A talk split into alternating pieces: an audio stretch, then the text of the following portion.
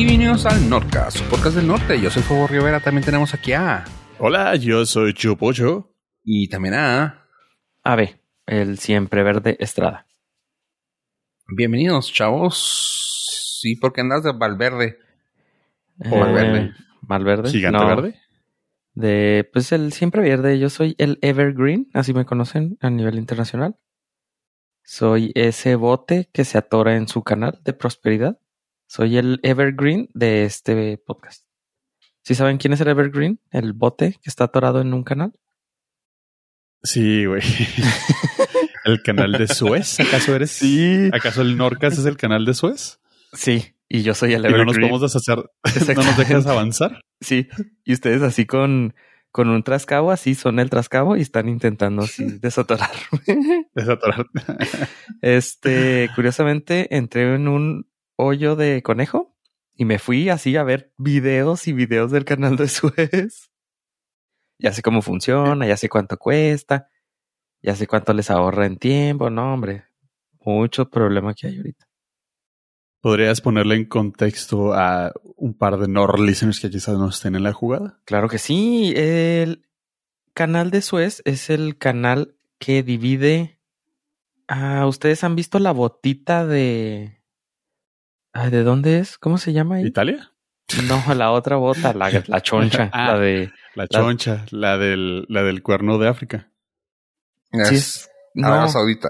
Arabia Saudita. Arabia Es- la, la- la bota que. Está en Egipto, está al norte de Egipto. Sí, pero, o sea, la bota es Arabia Saudita, ¿no? Y es Sí, a la derecha, Yemen, a la izquierda Arabia está. Saudita y Oman. A la izquierda está África y Egipto y. Egipto, Sudán, Etiopía. Bueno, por el continente africano, eh, resulta que si usted quiere viajar en bote, o sea, si, si usted quiere mandar un transporte de carga de Europa a, por ejemplo, a Dubái, la ruta antigua tenía que rodear todo el continente africano e irse por África del Sur y luego subir otra vez a, por ejemplo, Dubái. Pero abrieron el canal de Suez, que es un pequeño, como el canal de Panamá, pero pues, africano, que permite bajar de Europa y lo que antes se hacían que 34 horas de viaje, ahora se hace en 20 horas de viaje, lo cual ahorra pues muchísimo, muchísimo tiempo. Y ahí justo se atoró un barco de carga que se llama el Evergreen y lleva atorado para el momento que estamos grabando como tres días y no lo han podido desatorar debido a pues, cuestiones de logística de que el barco viene supercargado y la marea está baja y no tienen el equipo para descargar o mover el barco, entonces está haciendo que, No manches. que todos los barcos de transporte de todo el mundo tengan que hacer modificaciones en sus rutas debido a que este barco sigue atorado ahí. Lleva tres días y 20 horas al momento que estamos grabando y aproximadamente el costo que se está perdiendo en todo el merequetengue son como 37 bi- 37 mil millones de dólares hasta el momento. ¿Por qué? Sí, porque los, los otros barcos que tienen que llevar su transporte a su destino, pues tienen que rodear. Entonces ahí metes más días de, de viaje y metes eh, más combustible. Y pues, No, ya le partiste la madre a las líneas de producción porque no llegó el material. exactamente. O sea, la, cade- la cadena de repercusiones está cabrón. Estaba leyendo que inclusive ese pequeño barco atravesado en ese pequeño canal eh, podría haberse reflejado inclusive en una inflación en nuestro país. Sí, sí, en todo. Y así que, güey, Al día, 9.600 millones de pérdidas, güey. sí. Al día. Entonces, eh, ve- los precios de todo va a subir porque está siendo más costoso transportar todo. Entonces, pues esa es la historia del barco. Es la historia más interesante de, de los últimos meses. que estamos esperando el desenlace de, de a ver cuándo lo, pues lo logran desatorar. Porque está atorado. Está, hagan de cuenta. Para mí, mi primera imagen fue una piedrita así en el conducto urinario. no sé por qué se te vino a la mente. Es, cosas- es una buena referencia. Cosas random, cosas random. Entonces, pues sí, este, me, ya he visto muchos videos de cuánto cuesta Necesitamos- Sí, necesitamos que llegue el especialista a desatorar. desatorar, meterle una sonda para Hasta donde tope. un catéter ahí. Y este, más o menos ronda. e- e- ese canal lo cruzas más o menos, aproximadamente, más o menos en 16 horas. Y cuesta más o menos como unos 200 mil dólares cruzar con un barco. Depende de tu carga, depende si vas norte, sur, da, da, da. Pero en promedio, en eso anda. Yo no sabía que era tan caro, pero luego hace, hicieron las cuentas de cuánto salía rodear todo África.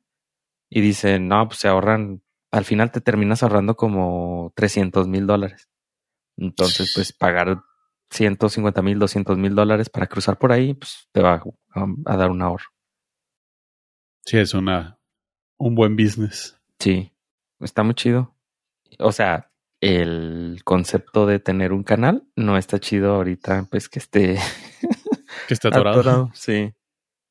Pero en el punto positivo, eh, muchas personas nos hemos enterado que de su existencia gracias a esto. Sí, y también se enteraron ahí mismo que necesitan meterle un poquito más de tecnología para poder desaturar barcos. Durísimo, güey. para poder, este, no sé, ampliarlo, porque también estuve viendo videos de el canal de Panamá y ese lleva como tres ampliaciones y no, ahí en el de Panamá se ve que sí, sí le Sí, hay están mucha lana. Sí, hay Sí, mucha. sí. Y Hay acá, varios pues, influencers que han hecho videos ahí en, en el de Panamá y, se ve así súper chingona la infraestructura que tienen, o sea, de que diferentes partes del mundo, o sea, ingenieros de diferentes partes del mundo trabajando en ello. Y aquí pues como que lo hicieron así nomás. Que para el viernes, oye, o sea, ahorita cuando lo estoy escuchando, no importa cuándo, para el viernes 26 de marzo, habían 237 barcos ya nomás, es- o sea, varados ahí. Imagínate, güey. Qué horrible, güey. sí, pues también están esperando porque muchos no tienen la capacidad para ir a rodear y los que sí, pues la están dando y los que tienen dinero, porque aunque también que estén ahí parados es costo de dinero, de tripulación y de, no sé, de mantenimiento. Y para... pero no, no, hay, no hay alternativas. No, no hay, no hay otra. A ver cuándo se les ofrece, se les ocurre de quitar ese barco de ahí. El Evergreen. Así que pueden buscarlo en www.istheshipstillstuck.com y No se pueden enterar si ya lo desatoraron. y ese soy yo, el Evergreen. Ay. Me gusta, me gusta que con tus nombres tienen mucho significado, güey. No, no, se nota aquí el trabajo de investigación, pero casi periodístico, porque pues no soy reportero. Periodístico. No soy reportero, ¿verdad? Pero pues aquí Porque no uno, quieres, güey. uno le hace su, su luchita. Y ya esta semana también ya terminé el libro de Code Breaker, que les había platicado que era sobre eh, Jennifer Doudna, una de las, bueno, ganadora al premio Nobel gracias a la participación que tuvo en eh, lograr implementar la modificación ge- genética. Y sí, al final habla sobre, no os voy a spoilerear, bueno, no es spoiler, pero al final sí habla sobre las vacunas y si dices, ah, no, pues, o sea, el pretexto de que la tecnología no está probada, pues no, no, con esta persona, este tipo de, de científicos que están trabajando, no es este, pues no, no, no fue nada al azar, no es tecnología que sea nueva eh, relativamente, tiene como 10, 12 años, pero no es tecnología que se sacaron de la manga, es algo muy este, pues ya que estaba en, en práctica, lo estaban ya empezando a utilizar incluso para curar enfermedades y sí me hizo sentir como que mi trabajo no valía nada. Que no sé si la- ya les había platicado eso. Que estaba ¿Que leyendo el no libro. Sí, que me hizo sentir eso, pues. O sea, yo sé que no vale nada, pero ya lo sentí. Porque esto estaba. Antes lo es- sabía. Ajá, nomás yo. Porque estaba este escuchando el libro y luego pues la es es este tiene doctorado postdoctorado en biología y luego cuando empezó a ver eso de la modificación genética dijo, bueno, vamos a tener que poner una empresa para poder vender esto que estamos desarrollando y se fue a hacer su máster en administración de negocios y yo, ay, no manches. O sea, yo aquí cambiándole los colores a una paginita, entonces, pues sí, sí me dio el bajón, pero, pero ya después de ver, o sea, mis errores en el trabajo no se comparan como los del Evergreen, entonces dije, ah, estoy, estoy haciendo algo bien. Punto medio. Soy el Exactamente. Evergreen. Sí, O sea, no, le, no le recomiendes el libro a tus jefes para que no sientan que tu trabajo tampoco vale nada. Exactamente. Pero, Y pásales la noticia del Evergreen para que vean y te aprecien. exactamente. Justo eso. Entonces ahí ya se balanceó. Está bien. Ay, O sea, me estás tratando de querer insinuar que Pati Navidad y María Conchita Alonso están equivocadas en sus comentarios. de Hijo, después de todos los estudios que tienen todos los que hablan en el libro y sí, no, o sea, te, desarman. Digo, no, no es como que le recomiende un libro a alguien que no se quiere vacunar porque pues, claramente no lo va a leer, pero sí te da armas, argumentos si tú eres pro vacunas. Entonces, Quizá si lo pones en forma de blog y le pones en nada más en quotes varias frases, igual y si lo leen. puede ser. El blog, no el libro. Sí, pues tienes que darles ya el, el, el tl, tl. O sea, el too long didn't read. El este, el resumen ejecutivo, el memorándum para gente emprendedora. Para que Lo, lo chido es que no creen en un libro que cita fuentes y la investigación, pero creen en un blog. sí, y es- en dos videos de YouTube de 10 minutos, güey. Ya, con eso. no, y, y por ejemplo, ahí platica en el libro de la lucha que tenían para sacar los, los eh, artículos en las revistas científicas. O sea, incluso los lanzaban antes para que los pudieran revisar y les dieran el visto bueno. Y luego me di cuenta que en las revistas científicas, antes de publicar un artículo, a veces se los, les decían, no, es que necesitas hacer más experimentos, no se estás dando la información completa. Entonces, sí se nota que están bajo un riguroso escrutinio. Y pues no es gente Algunos. que. Bueno, sí, las, las prestigiosas, ¿no? Sí, Y- porque acuérdate que un- el caso del güey que dijo que las vacunas provocan autismo logró publicarlo en una revista científica. eh, nada más para tiempo después decirle, ay, perdón, no, no, no había evidencia científica de todo esto, lo vamos a retirar. Ya todo el daño hecho, güey. Sí, bueno, en ese, en ese punto tienes razón. Sí, sí, sí, sí. El método científico está cabrón. eh, te iba a comentar. No, no, yo, fuera de, fuera de tema, perdón. Continúa, sorry. No, dale, este es tu podcast, no. No, no, no, No, no, no, no, sí. No, no, no, no, era, era algo fuera de tema, pero era, Ah, era algo sobre el método científico que luego les platico. Claramente el Evergreen y las vacunas tienen mucho que ver. Pero no, si quieren seguir platicando del, de los avances de esta semana, los NFTs siguieron, follow-up. siguieron dándole duro y salió un artículo.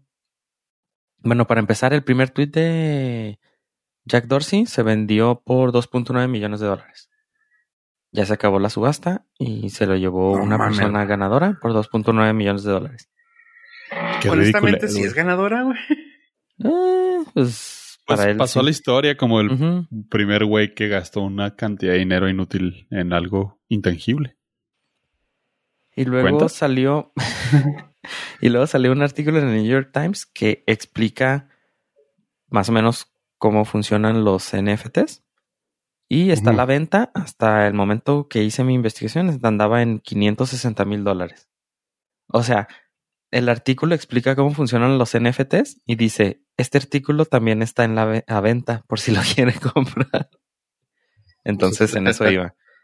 Y también me, o sea, todo mundo es, pues creo que todo el mundo todavía estamos intentando explicarnos cómo funcionan los, qué son los NFTs.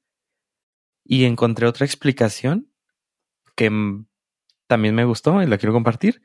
Esta persona explica que ah, cuando los fotógrafos se dieron cuenta que todas las fotografías que ellos tomaban podían ser reproducidas, o sea, se podían sacar muchas copias, empezaron a ver que si también lograban conseguir bueno, no los fotógrafos, los coleccionistas, que si lograban conseguir que esa foto estuviera autografiada, esa foto quedaba como de cierta moda autentificada de que era, o sea, tenía un valor extra y la hacía más coleccionable. Entonces, lo que explican es de que los NFTs probablemente sea la ah, firma o el autógrafo digital. Porque, por ejemplo, en el primer tweet de Jack Dorsey, existe, todo el mundo lo puede ver, se pueden hacer copias, se pueden tomar screenshots, pero solamente una persona va a tener ese, esa firma digital en el blockchain y eso es lo que lo hace válido. Entonces, me gustó un poco más esa explicación de que los NFT son validan que tú eres el dueño de dueño de esa parte de esa pieza, pero pues ahí está, todo el mundo puede ver una fotografía eh, autografiada y todo el mundo puede ver ese tweet con esa firma digital en el blockchain. Y también vi otra explicación, bueno, una, un servicio a la comunidad que decía, eh, recuerden que ustedes están comprando nada más, al comprar un NFT, nada más están comprando el link de un servicio de hosting que les dice dónde, que ustedes son los dueños en el blockchain. Pero si ese servicio desaparece, su, o sea, usted, eh, el, el blockchain sigue teniendo que usted es el dueño, pero pues nadie va a saber. Entonces, pues, si esas páginas desaparecen, es más o menos como una galería donde dicen, ah, mira, esa persona es dueña de esta. Y ya, pero si desaparece, sigues, entre comillas, siendo dueña de esa, pero pues nadie sabe. Y eso es el, el avance que tenemos en qué son los NFTs en esta semana. Chale, güey. Deberíamos tener una cortinilla, güey. Esta semana ¿Qué son NFTs. los NFTs? NFTT es. Sí. Yeah. Ya habíamos platicado que los NFTs se compraban con Ethereum, que es esta criptomoneda. Y Con razón ha, ha despegado bien cabrón. sí, le dio un incremento, incremento chido. Bastante gordito. ¿Cuánto anda ahorita el Ethereum? En bastante. no, se nota el incremento. Antes andaba en, ah, está alto. Y ahora es bastante. Sí, Sí, anda en 1702 dólares. Ay, güey. anda, subió Wow. bastante. Uh, todavía me acuerdo cuando lo vimos a 4 dólares. Yo lo empecé a ver a 10 cuando me tocó. Sí, sí, pero y lo ese, reporté. ese ya fue ya cuando nos cayó el 20. Ajá. Que dijimos, ah, no manches, lo vimos a 4. Ay, hasta 10. Me voy a esperar que baje 3 a 4. Ilusos. Ilusos. Iluso. Y hablando de criptomonedas, esto viene al tema porque ah, Elon Musk acaba, tuiteó que ya se pueden comprar carros Tesla con bitcoins. Hace como un mes o dos meses compraron 1.5 millones de dólares en bitcoins. Este, para empezar a poder ofrecer, se suponía, o sea, en cuanto hicieron esa compra, eh, se rumoró, se especuló que iba a poder, iban a empezar tarde o temprano a vender los, los carros, a aceptar este tipo de criptodivisa para adquirir carros y pues ya, ya es una realidad. Los carros ahorita más o menos cuestan, según el precio de Bitcoin, a más o menos a 53 mil dólares que puede andar, más o menos. El modelo más barato es el modelo 3, que cuesta 36 mil dólares y pues le puede costar .68 bitcoins a una persona. De ahí tenemos el modelo Y, .95 bitcoins, el modelo S, 1.5 bitcoins Y el modelo X, que es de 90 mil dólares, a 1.7 bitcoins. Usted puede ir, puede comprarlo. Y según dice eh, Tesla, que ellos no van a hacer el cambio. O sea, si usted va y compra un carro, les da sus bitcoins y Tesla va a apostarle más al bitcoin. Por lo tanto, no va a cambiar inmediatamente ese, ese bitcoin que le dio usted a dólares. Lo van a seguir ahí almacenando, almacenando. Eso, ajá, lo para pues darle cierta estabilidad y factor de confianza a las monedas, a la, al Bitcoin, a esta criptodivisa. Y pues ya usted, si usted es poseedor de dos Bitcoins, ya se completa hasta cuatro carros si quiere. De los varas. Me gustó la jiribilla que le metieron. Digo, me gustó en el sentido de maldito genio. Y por favor, alguien deténgalo ya. En el dado caso que quisieras cancelar tu compra o devolverlo, lo que sea, ellos tienen la facilidad de devolvértelo ya sea en dólares o en bitcoins, dependiendo la fluctuación. Entonces, tú pagaste tu bitcoin completo, pero subió mucho el bitcoin y te dicen, no, aquí están tus 50 mil dólares. Y dices, ah, no le pierden, ¿no? Pues, es ganar o ganar para estos güeyes.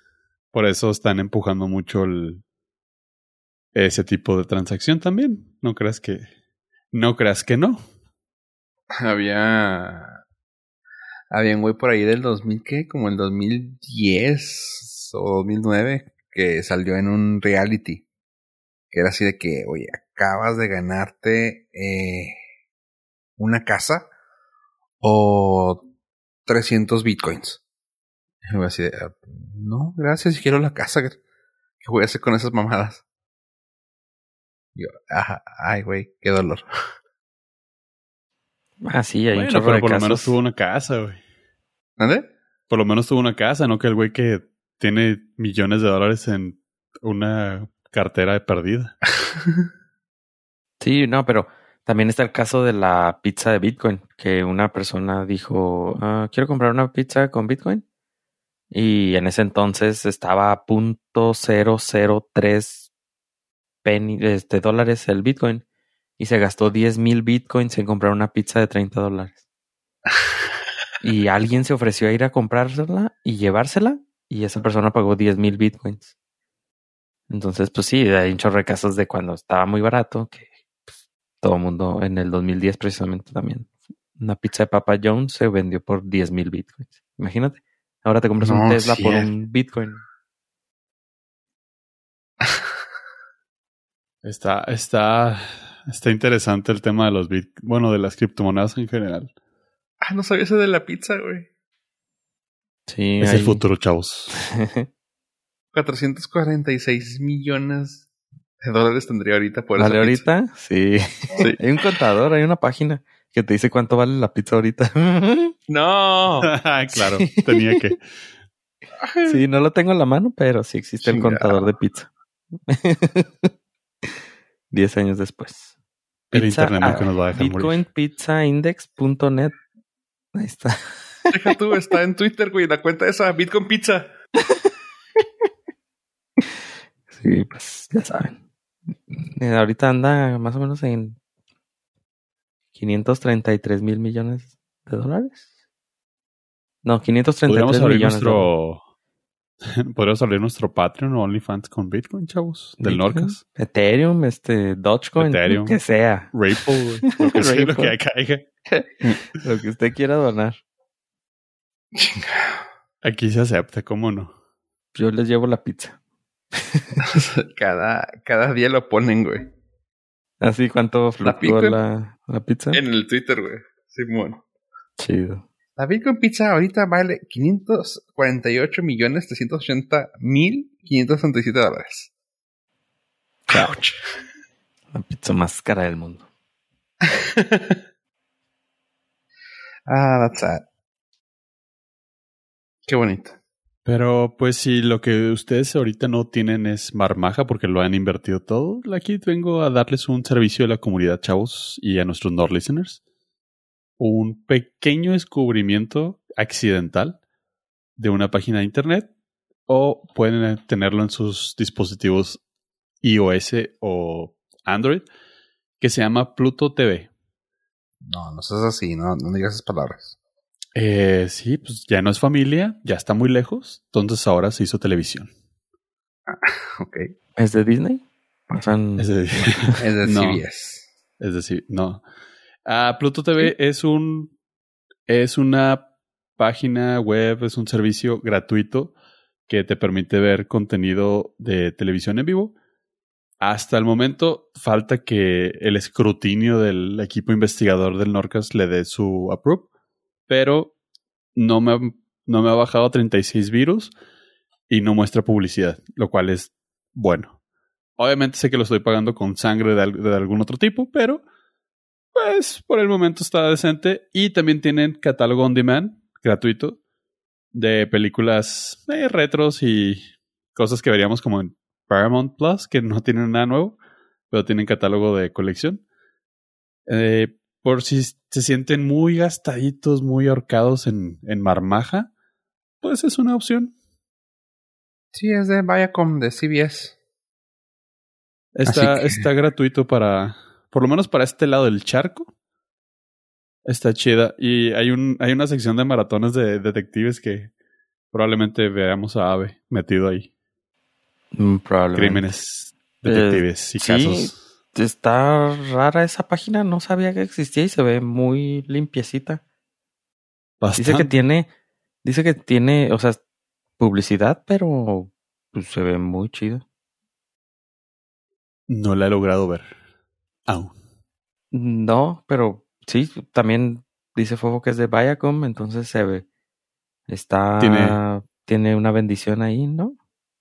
Pero no sé por qué Sí. está gratis, o sea, no sé por qué todo eso es gratis. Digo, es contenido viejo, pero de todas formas, ¿se ve bien? Pues de que lo, te- lo esté monetizando YouTube, a que lo moneticen ellos, güey, con anuncios, pues oye. Eh, ok, sí, tienes razón.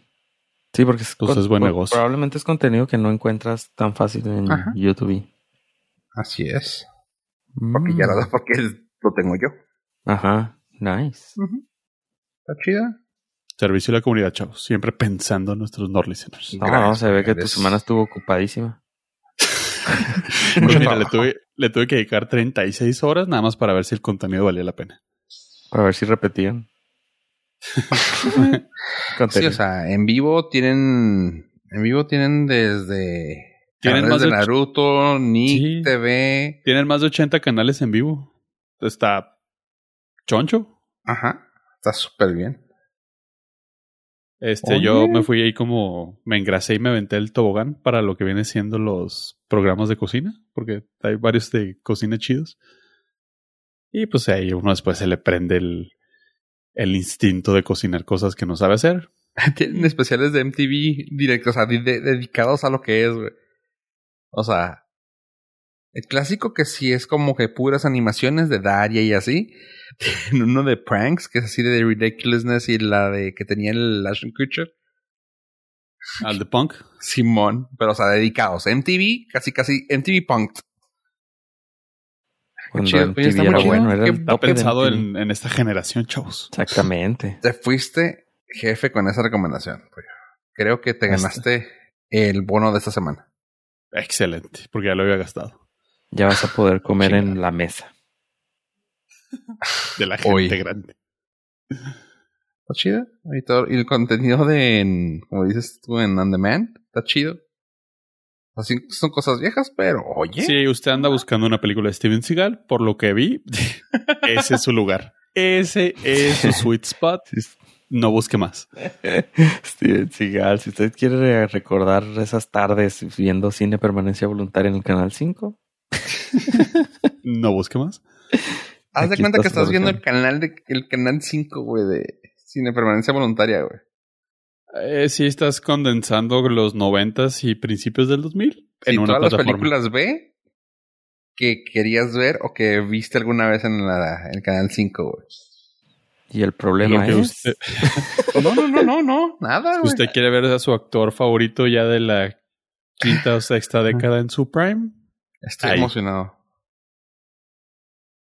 Gracias, pollo. Gracias. Pero gracias. la, la pregunta aquí es, ¿qué andaba buscando pollo? que llegó a esa plataforma. güey? Eh, para eso y más noticias, eh, anda- andaba haciendo un- una investigación periodística acerca de Pluto, el animal perro de Disney. ¿por qué. Pluto es- Porque es Porque Pluto es perro y Tribilín es perro, pero uno es antropomorfo y habla y el otro no. es como cuando Peppa Pig ¿Acaso- va al zoológico. Exactamente. ¿No se le antojan a los animales? Oigan, pues tengo así nomás unas leves noticias rápidas. Pues como que así de que tú digas, uy, ¿cómo hubo no- notas hoy? No. Pero, ahí les va. Salió ya que para la película de, ah, de Black Adam, o sea, esa de la de La Roca, ya existe el Doctor Fate. Y eso va a ser nada más y nada menos que el agente 007 Pierce Brosnan. La va a ser de Doctor Fate. Se me hizo chida. Se me hace buen pedo eso. Pues es un actorazo. Que ya no le dan tantos papeles. Y pues ya puedes sumar a la. A la. mm, pues a la lista de actores que se van a películas de. de cómics. Aquí está Pierce Brosnan. Para DC. En la película de Black Adam. Ese es rapidillo. Güey, neta, o sea, no vamos a detenernos en hablar de eso, güey. O sea, Pierce Brosnan todavía tiene el, el peso, güey, para ser un villano. Qué chingón, güey. Me Pues no, alegro no, por no. él. No es villano, es realmente. ¿No es villano? No, Doctor Fate es bueno. Ah, que Nah, entonces Doctor. Fate es como el. ah, Sorcerer Supreme, como un tipo. ¿Cómo se llama este güey? Doctor Strange. Más Eh, o menos de DC. Yo esperaba, Pero por, aquí, si nos vamos por la imagen pensé que iba a ser villano. Pues si nos vamos a eso, la película va a ser de un antihéroe. O sea, se va a hacer de Black Adam, que es este de la roca. Quien es como quien dice la contra o el villano, el antagonista, porque no vamos a decir villano, el antagonista de Shazam. Porque Black Adam es un antihéroe malo. Pero si va a ser la película de él, quiere decir que Doctor Fate es el antagonista de Doctor de Black Adam. Así que Entonces, el villano. parte de tu razón es villano en esta película. ¿Los enemigos de mis enemigos son mis enemigos? Sí, ándale. ándale. Y luego, hablando del mismo. Con la misma línea, la película de Shazam, quien te digo que es el villano directo de. Bueno, el, la contra de Black Adam, también va a sacar película en la segunda parte. Sin embargo, aquí también ya se anunció que otra persona también inglesa va a ser, aquí sí, la villana. Y es nada más y nada menos que Helen Mirren. Así que está así de que wow, wow, wow, wow, wow. O sea, Helen Mirren y Pierce Brosnan van a ser villanos en las nuevas películas de de DC. Nice. O sea, está chido. Son dos actores que a mí me gustan un chorro. Que pues no les dan tanto tanto luz últimamente. Aunque Helen Mirren sí sale. Sí está brillando un poquito más que Pierce Brosnan. Pero, oye, que los dos salgan.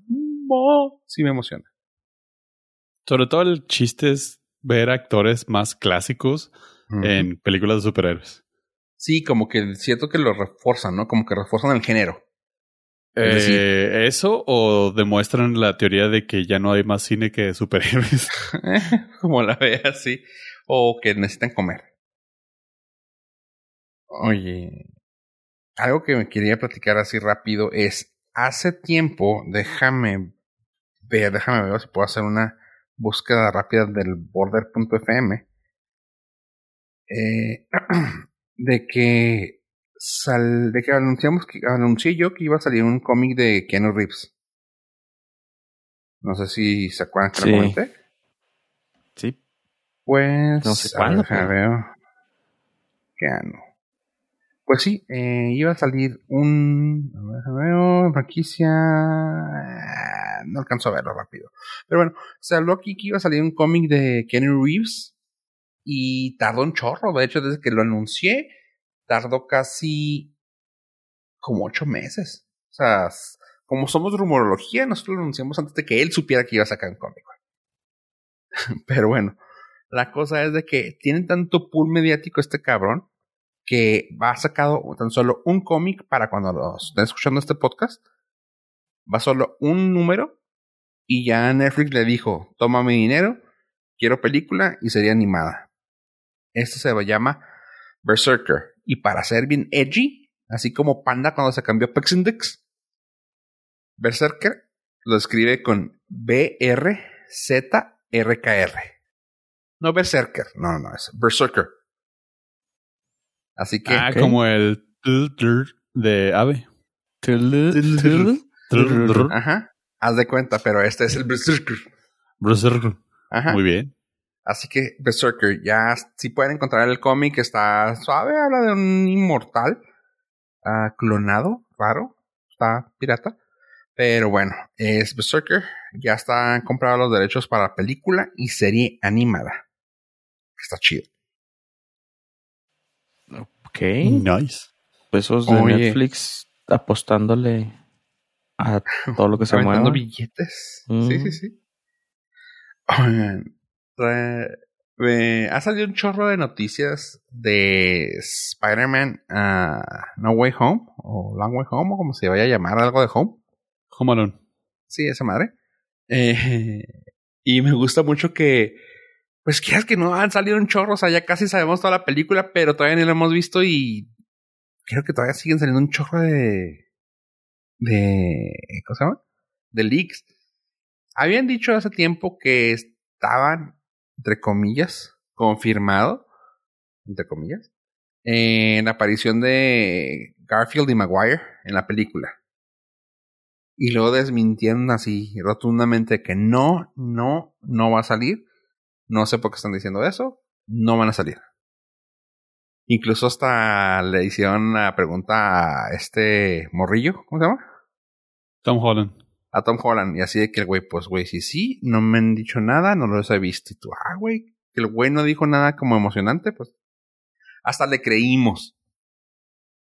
Pero ya van dos leaks que salen que hace ver que sí. Y una de esas fue que el doble de acción de Andrew Garfield puso una foto así de que, ah, aquí ya a punto de terminar. Y está así de que, ah, cabrón. Y se ve así como que un, ¿cómo se llama? Una araña, o sea, una araña, ¿cómo se llama? Un disfraz. Y luego se ve como que él, o vestido uno con el disfraz y el otro como que cargando algo y todo así como que, ¿y por qué van a estar vestidos así? Si no están haciendo nada que tenga que ver con arañas. Pero bueno, ese fue uno. Y luego, eso fue ya hace como un mes, como tres semanas. Y luego salió ahora, hace como unos dos, tres días, salió una camiseta del que se le dio el crew. Donde viene así Spider-Man No Way Home y luego Film Crew. Y sale una imagen de un hombre araña que trae el mismo traje que traía Garfield en la película. Y así de que, hmm, ¿podrían no, ¿podrían haber encontrado otra foto de un Spider-Man y pusieron esa? ¿O fue adrede? ¿O what the fuck? Pero se me hicieron chidas esas, así como que esos pequeños guiños de que dicen, chance sí va a salir. Así que, eh, se me, me, me, da, me daría gusto verlo. Creo que Pollo también se emocionó cuando supo que iban a salir los dos.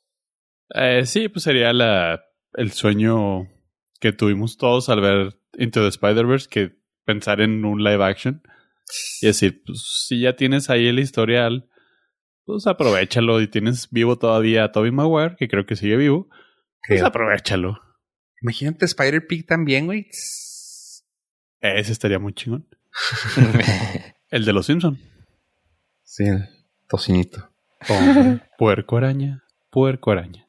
Oye, y esta semana pues no, no pudimos ver toda la serie tan animada, tan preciosa, ah, ni de pedo, de Disney. Ah, Into, Into the Falconverse, ¿cómo se llama? Eh, Falcon y el Soldado del Amor. Ese mero, sí, sale Mijares. Pero bueno. en esta guerra entre tú y yo. Es Mijares y Jojo Jorge Falcon. ¡Ah! Ah, contrátenos, contacto arroba border.fm. Hijo, y Pido no, una tenemos ni- disculpa. y no tenemos ningún estandopero aquí, eh, güey. ya. Pido una disculpa, de verdad. Pero estaba ahí, se tenía que decir y se dijo. Pero bueno, en el papel de Mijares tenemos a Sebastián Stan. Y quisiera saber qué tiene Pollo para nosotros hablando de él. Es simplemente un recap ahora que está de moda escuchar al fandom. Eh, no sé si. Creo que no lo habíamos comentado en el Norca, simplemente había salido como un chicharacheo informal para nuestros Patreons. El parecido de Sebastian Stan es muy, muy, muy alike al Mark Hamill cuando estaba joven. ¿What? Entonces, sí, de hecho hay unas imágenes ahí donde le ponen el peinadito de como de ¿Ah? honguito y eh, no, no, no lograrías identificarlos así a simple vista. Entonces el fandom se empezó a volver loco y empezó a decirle a Disney de, güey, contrata a este güey de Luke Skywalker. De hecho, cuando se estrenó el episodio, el, el último episodio de la temporada del Mandalorian, la gente estaba emocionada de que el personaje de Luke lo estuviera haciendo este güey, que coincidiría con la edad de Luke posterior al episodio 6 o el regreso del Jedi. Entonces, entonces, fue que le llegó el rumor a Sebastian Stan y dijo, no, no, pues muchas gracias, pero no. Y conforme el fandom se ha ido haciendo más fuerte y ya vieron que pues hacerle caso a los fans es buen negocio, Snyder Cut, ahora, ahora ya Sebastian Stan dio una postura oficial y dijo, yo encantado de hacerlo siempre y cuando tenga la bendición directa de Mark Hamill para tomar su papel. Si ese güey me dice, vas, le entro. A lo que ya uno más uno, como dice Fofo, son los pequeños guiños que empiezan a dar. Y no estaría tan descabellado tener una, quizá una serie de Luke Skywalker posterior al episodio 6. Ok, creo que se había visto esa foto de Sebastián Stan, pero no sabía que no quería, pero luego no sabía que ya como que torció. Lo que, lo que pasa es que él decía que eh, es un personaje demasiado icónico como para manosearlo. Era así como, no, güey, o sea, no te metes con los clásicos. Sí, es demasiada pero- responsabilidad. Ajá. Pero uno, aquí, pues son los fans lo que lo- los que lo quieren. Y dos, tienes la oportunidad de, de decir, güey, Mark Hamill me está dando su bendición, jalo. Sí, o sea, ya sería como tengo la bendición de los fans y de Mark Hamill. O sea, ya si falla, ya de planes porque está malísimo. Porque, porque el güey lo buscó. Pero pues te- teniendo ahí la mano que este John Favreau y Dave Filoni eh, es un combo ganador, güey, por donde lo veas. Es poco probable que la vayas a regar. Sí, sí, por eso digo, ya sería muy complicado que la regaras teniendo todo ya la trifecta. Teniendo bendición de público, de Mark Hamill y luego teniendo a estos dos haciendo algo de Star Wars, pues no. Y pues lo que sabemos ahorita es que Disney Plus está invirtiéndole sabroso porque quiere seguir creando contenido eh, único, original, sabroso para su plataforma. Y pues no, yo, o sea, si me dicen va a haber una, va a haber una serie de Luke Skywalker de 10, te- 10 episodios, jalo, güey. Súper jalo. Güey. Todos, además. Y Aunque fueran dos y aunque fueran veinte, o sea, con eso le entras. Oh, no manches, sí fuera se parecen machín. entro. Sí se parecen un chorro. Ya así en pose Sí, así, sí, sí, pues, o sea- sí, pues, Se parece más que el CGI que pusieron en el episodio. Uf, ultra, ultra, mega, se- mucho más. ¿Neta? Sí. Sí. Ah, cabrón. sí, sí. Estamos todos buscando. Vamos a dejar la imagen en este momento en el chat. Ni para lo que dudo, pero los- Y bueno, vamos a dejar el link en este momento en Ah, el chat cabrón. para que los no listeners, por si tienen curiosidad, aprovechen la multifuncionalidad de nuestra plataforma. Wow. No solamente tienen imágenes del chapter, que ya sé por dónde va a ir el- este chapter, pero también tienen links para el contenido. ¿O no? o no, pero pues es un es una ruleta rusa. Ustedes entren y descubren. Una caja de chocolates. Nunca sabrás qué esperar. No lo vi venir. Pues hasta ahí eh, mi reporte, Fofo Llave.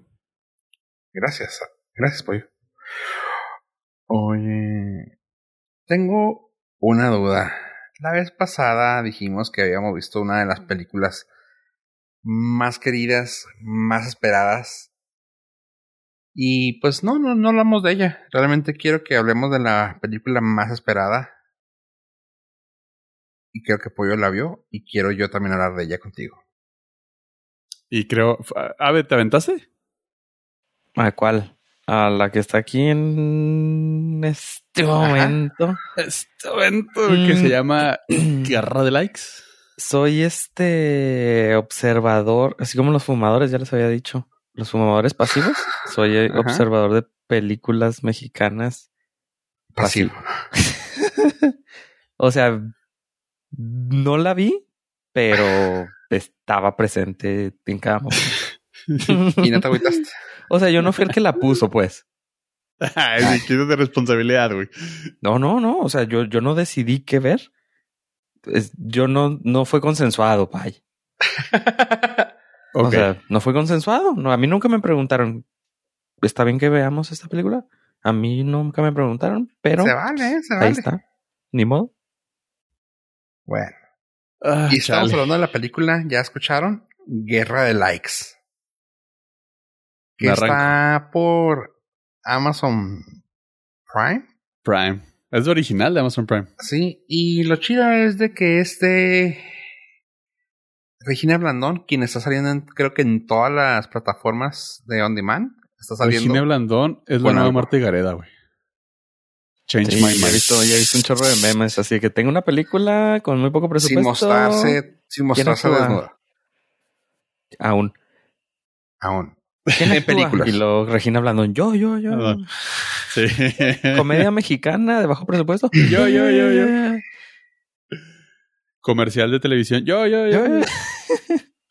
Lo que me da risa es de que pusieron a las dos actrices.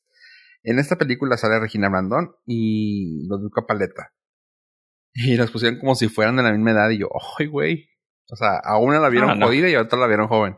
Ludvika, perdóname, pero Ludvika, hijo de También anda saliendo en muchas películas, pero se conserva, mira, Prime como Amazon. Ok.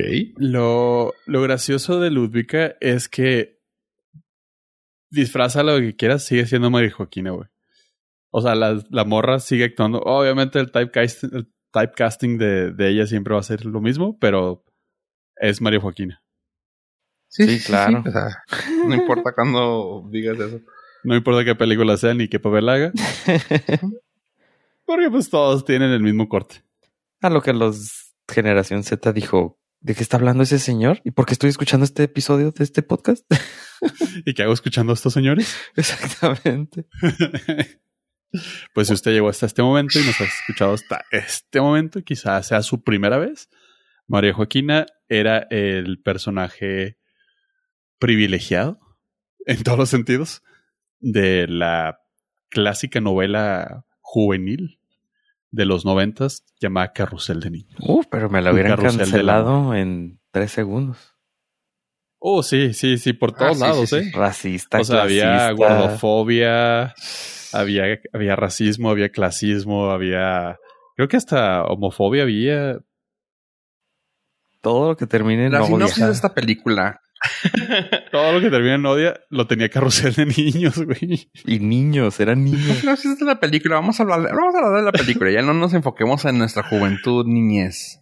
Pero si te acuerdas del, ah. del, de los carros de Cirilo. Siempre quise uno. No manches. El que se ganó, el negro, que era un como Porsche. Hijo. Ah, sí. Que eran como los Power, Power, Power Sí, eran Power Wheels, pero pues en ese tiempo no había Power Wheels así como al alcance y yo sí quería el Porsche negro. Habíamos dicho que nuestra audiencia estaba entre los 18 y 22 años, creo que ya se fueron. Eh, ni modo. Alguien tiene que enseñarles lo bueno de la vida. Están y no están hablando del de las Américas, están hablando del original, ¿eh? Sí, sí. Ah, No, pues, claro, claro. Con la maestra María Joaquina, que era.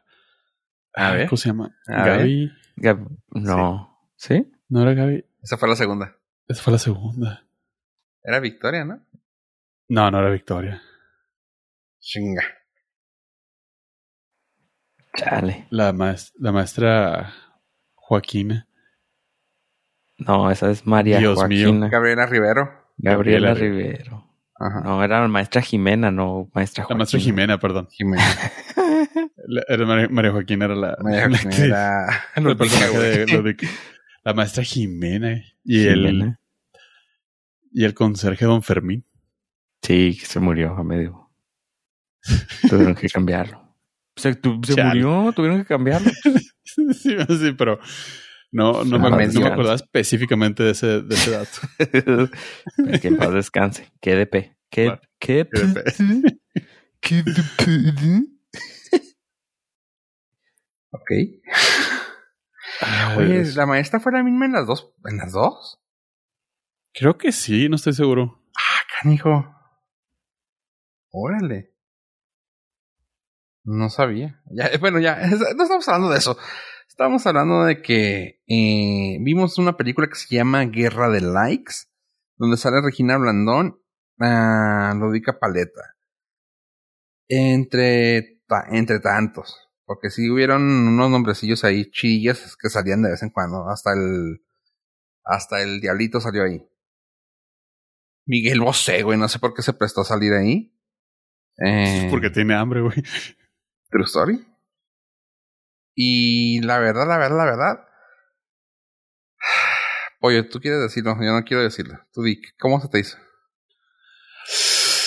Ay, mira, lo voy a resumir en la calificación de IMDB es de 5.0 y creo que es justa.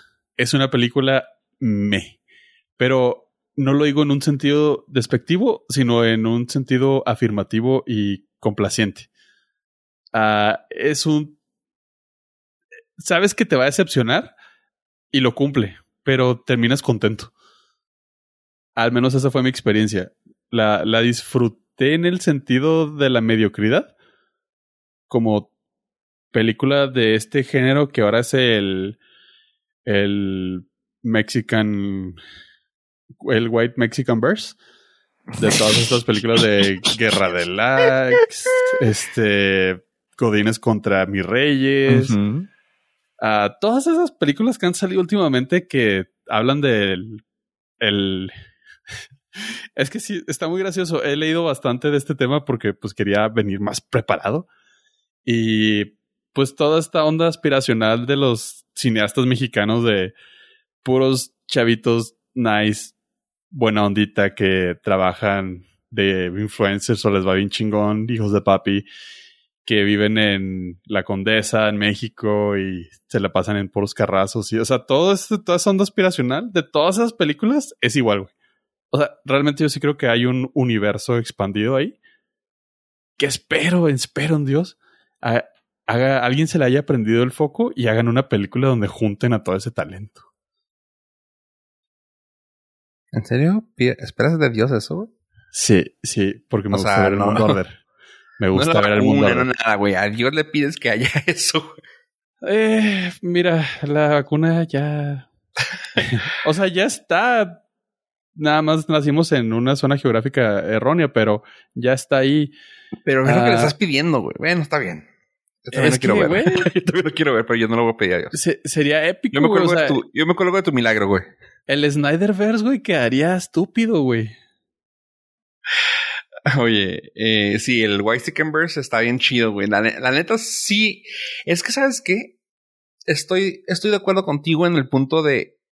Sabes que no va a estar. Sabes que no te va a dejar nada relevante. Pero te entretiene. O sea, eso se me hace bien chido de las últimas películas mexicanas que han salido. Ah, ejemplo, la de Mis Reyes contra Godines, ah, Guadalupe Reyes todas esas películas se me han hecho unas películas me, pero de una manera me, con billete Y, y, ah, y me va a doler decirlo ahorita, güey, porque luego van a salir con que es una película sueca in- indie, güey, de hace 45 años, güey. Pero con, con temas originales, güey. O sea, cuando, por ejemplo, salió la de. La del la de Chaparro con Higareda de la escuela, güey. ah, ¿No manches Frida? Yo dije, qué buena, qué buena película, güey. Se me hace chida, se me hace original. Y lo salió que era un pinche película. Creo que era como sueca o algo así. Y yo, ok, pero bueno, está chida que le inviertan un tipo de comedia diferente. Que no sea la. Y chingas a tu madre. "Ah, ¿Neta? O sea, se, Sí. me hace, se me hace chido eso. Y ahorita, por ejemplo, insisto, de esas tres que platiqué, así como que dices, oye, güey, está bien, o sea, no, no está mal, güey, no tienes que ser el próximo Roma, güey, o sea, no tienes que ser el próximo Amores Perros, güey, está chida, güey, puedes hacer algo light. Un, en este caso no es romcom, es este, en- pues, ah, también la de, ¿cómo se llama la, la regia? Uh, ¿Cindy la regia? de la regia. Ah, Eh, también es así. parte del verse, güey. Sí, sí, sí, o sea, ese tipo, güey, de películas que dices tú, pues no te van a aportar nada, güey, no vas a salir mejor persona, güey, no te vas a entretener. Es un, no son romantic comedy, güey, pero son romcoms, güey, al final del cabo, güey, o sea, son como que dices tú, ah, qué chido. Son comedias, güey, que dices tú, Eh, sí. chido. Tengo, nada más tengo una gran queja. O sea, tengo muchas quejas de la película, obviamente, pero tengo una gran queja que sí me dolió. Y es que siguen. Para, para nosotros los que usamos lentes, siguen poniendo que el, el éxito y la transformación, la metamorfosis de una persona perdedora a ganadora Ah, sí. es dejar de usar lentes, güey. Sí. O sea, me siento ofendido y a la vez triste porque no puedo dejarlos de usar, güey. Entonces nunca voy a ser ganador. No, pues es que es la verdad. Exactamente, pero Nunca vas a ¿por ser qué me lo tienes que- por, por qué me lo tienen que echar en cara, güey? Si uso lentes no voy a ser ganador, güey. Bueno, eh, en este caso, pues aplica para los tres, ¿verdad? Sí, o sea, uso lentes, güey, y me peino para arriba, güey. Y ya el día que hago mis transformaciones, me suelto el cabello y me quito los lentes. Ay, güey, no manches otra, güey. Dos cosas que Fofo no va a poder hacer nunca. Nada, o sea, ni una de las dos puedo ser grande, güey. Punto. Soltarse el cabello. Ave ya va a la mitad. Sí, ya me solté el cabello. Eh, ya me estoy pareciendo un poco más al diablito, pero sin cabello, güey. Nomás por la barba y por. Ya ni siquiera lo gordo, el cabrón me flacó, güey. Sí, no, no sé qué tan cierto sea. Escuché que el- las, los diálogos del Diablito todos fueron improvisados. Así como que, eh, tú eres bueno, güey. Dale. Y se, se nota chido. O sea, cuando, cuando lo escuché y vi su personaje, dije, eh, está chido. Qué chido por el güey. No, sí, sí, sí está gracioso, o sea, sí. La película me gustó. O sea, tampoco, insisto, no te voy a decir, güey, qué chida, güey, me quedé con un buen sabor de boca, pero me gustó, güey, o sea, estuvo chida. Me la pasé suave viéndola, güey. Mm, Traía ganas de verla, güey, porque dije, ah, cabrón, ¿qué está haciendo ahora Ludovica Paleta, güey? A ver. Y como traía ahí unas historias colgadas de, pues, de noticias medio raras, dije, a ver si no la cancelan por esto. Y dije, ah, está chida, está fresca. Y ahora quiero ver la otra de Regina en Netflix. Eh, sí. Sí, o sea, sé que, insisto, yo sé que es. Pero fue. Creo que el punto eh, que yo rescato de todo esto es que si sería el tipo de películas que no me gustaría que recibieran apoyo del Fidecine, porque creo que ese tipo de estímulos debería ir para gente eh, no comercial que quiera contar buenas historias. Pero como son películas de que le metió lana a Amazon y Netflix, dale, güey. Qué chido, güey, que sigan saliendo porque están entretenidos. A la mala, pero entretenidos. ¿Qué tienes que ser así? ¿Qué tienes que ser tan negativo? Eh, no, al contrario, es- estoy hablando bien de la película. Es un May positivo. O sea, es una decepción buena. Decepción buena. Es- Mm, sí. No, no, no necesitan verla, ¿eh? Si no quieren, no. Ese es mi, mi review. Eh, no, no, no necesitan verla. Pueden ver Mira, ya pagaron su, me- su mensualidad de Amazon Prime. Póngala de ¿Eh? fondo mientras hacen cosas importantes en su vida. Todavía no sale la, la de The la de The Voice 3, así que pueden verla por mientras. American God ya está por acabarse. Así que. Sean como Ave. sean consumidores pasivos. Sí, pues yo no tenía de otra. Así que, pues ni modo. Sean como Pero- no se cortan el cabello y no salgan de que la casa. Eh, especialmente en estos tiempos, eso es muy importante. Eh, buen consejo. Así es. Tenemos un año. Se viene Semana Santa, entonces, Ah, por favor. Sí, con estos aires no, no salga. Sí, eh, eh, por eso no sale, sí es cierto. Por los aires. Por los aires. Oigan, chavos, pues ¿qué creen? ¿Qué creo creemos? que este es el episodio 201 y creo que ya llegamos a su final. O al menos eso creo. ¿Tienen algo más que aportar a este bello podcast? Eh, has creído bien, porque efectivamente eso que se escuchan de fondo son las golondrinas informándonos que hemos terminado. Gracias a nuestros Nord listeners por habernos acompañado por 200 más episodios. Ave. Siempre verde. Nunca en verde. Adiós, adiós.